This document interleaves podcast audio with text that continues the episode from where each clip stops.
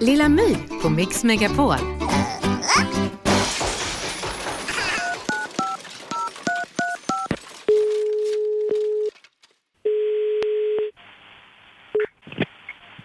Hallå?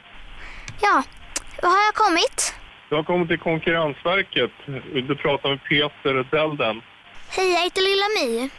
Hej. Eh, jag vill göra en liten anmälan. En anmälan? Okej.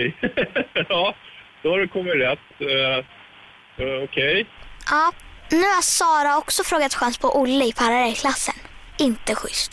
Vad är det som har hänt? Kan du beskriva det lite mer eh, i detalj?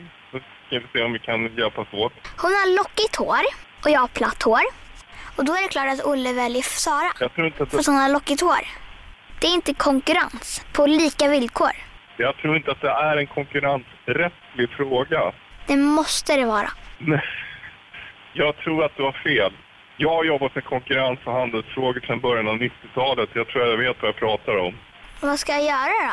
Ska jag behöva locka håret alltså? Det kan jag tyvärr inte svara på. Därför att det faller utanför vårt uppdrag. När du säger så, då tänker jag vad typiskt svenskt. Ja, det kan man ha uppfattningar om. Ja, ska vi leka en lek? Okej. Vem som lägger på först? Ja.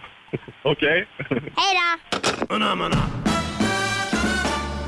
Lilla My på Mix Megapol. Ett poddtips från Podplay.